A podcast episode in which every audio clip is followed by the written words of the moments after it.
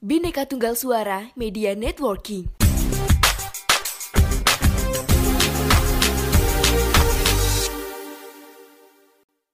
Assalamualaikum warahmatullahi wabarakatuh. Halo teman-teman pendengar, selamat datang di Podcast Today bersama aku, Frisma Putri Oktavianis. Teman-teman, gimana kabar kalian hari ini? Semoga selalu sehat di mana pun dan kapan pun kalian berada ya. Amin. Ngomong-ngomong nih, 17 Agustus 2022 kita baru aja memperingati Hari Kemerdekaan Indonesia yang ke-77 tahun. Tapi, tapi selama 77 tahun ini, kalian udah tahu belum sih arti dari kemerdekaan itu? Pastinya kalian semua udah pada tahu sih. Kalau kita kaitkan dengan masa lalu, siap dengar kata kemerdekaan pasti langsung tertuju sama penjajahan. Kemerdekaan dan penjajahan. Dua kata yang saling berkaitan erat. Kalau dulu kita memaknai kemerdekaan itu adalah bebas dari penjajahan fisik. Nah, kalau sekarang kan kita sudah bebas nih dari penjajahan. Lalu apakah makna kemerdekaannya masih sama? Nah, di sini nih, di podcast today ini aku mau berbagi opini tentang kemerdekaan atau merdeka. Tapi ini merdekanya yang lebih khusus. Karena for your information, aku ini masih pelajar.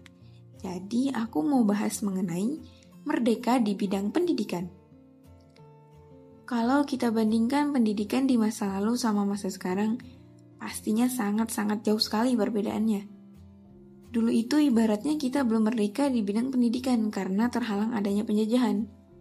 Sedangkan saat ini, aku ngerasa kita sudah cukup untuk dibilang merdeka di bidang pendidikan. Loh, bentar, cuma cukup aja. Iya, karena itu menurutku. Kalau menurut teman-teman ya itu terserah kalian aja. Aku bilang pendidikan di Indonesia cukup merdeka karena aku masih merasa kualitas pendidikan kita ini masih belum memenuhi kriteria dari cita-cita mencerdaskan kehidupan bangsa. Soalnya, masih belum terbukanya akses yang merata bagi mereka yang berusia sekolah untuk mengenyam pendidikan yang layak. Terus masih banyak juga nih mereka yang kesulitan mengakses pendidikan, akibat biaya pendidikan yang mahal. Belum lagi masih ada sekolah yang sarana dan prasarananya itu belum memadai, seperti ruang belajar, buku-buku, perpustakaan, dan laboratorium yang belum memadai. Nah, karena kekurangan-kekurangan itulah aku anggap pendidikan di Indonesia ini masih cukup merdeka. Kalau dikatakan pendidikan Indonesia itu merdeka, ada beberapa hal yang bisa membuktikan perkataan itu. Misalnya jumlah sekolah dan perguruan tinggi kita telah bertambah pesat, sehingga menimbulkan angka partisipasi sekolah juga ikut meningkat. Kemudian, hingga awal dekade 2000-an, alat pembelajaran yang luas dipakai adalah papan tulis hitam, kapur, dan penggaris kayu, dan juga buku tulis. Ya emang sih saat ini kita juga masih pakai buku tulis. Tapi sekarang sudah sebagian besar siswa telah menggunakan komputer, handphone, dan proyektor digital. Apalagi saat ini sudah era revolusi 4.0, yang hampir semua kegiatan pembelajaran menggunakan teknologi digital.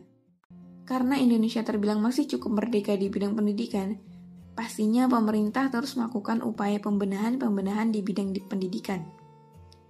Seperti yang kita ketahui, tahun ajaran saat ini kita tidak lagi menggunakan kurikulum 2013 atau yang kita kenal dengan K13.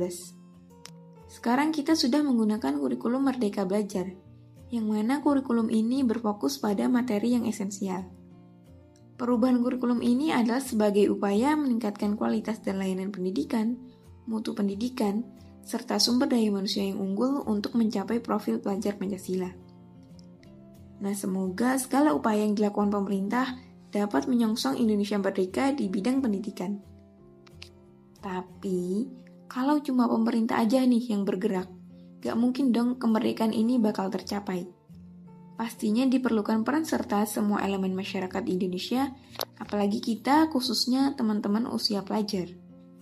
Pemerintah aja mengusahakan yang sebaik mungkin untuk pendidikan kita. Ya kita juga harus mengusahakan agar Indonesia layak dikatakan merdeka di bidang pendidikan juga dong. Nah, kita sebagai pelajar dan juga generasi penerus bangsa sudah seharusnya kita menjalankan peran kita untuk belajar. mempersiapkan bekal untuk masa depan, dan mengubah Indonesia menjadi yang lebih baik. Sesuai dengan tema kemerdekaan Indonesia tahun ini, bangkit lebih cepat, pulih lebih kuat. Mari wujudkan Indonesia merdeka di bidang pendidikan. Baik, sekian dari aku. Terima kasih untuk teman-teman pendengar semua yang udah menyempatkan waktunya untuk dengerin podcast ini sampai selesai. Apabila ada salah kata aku mohon maaf. Wassalamualaikum warahmatullahi wabarakatuh.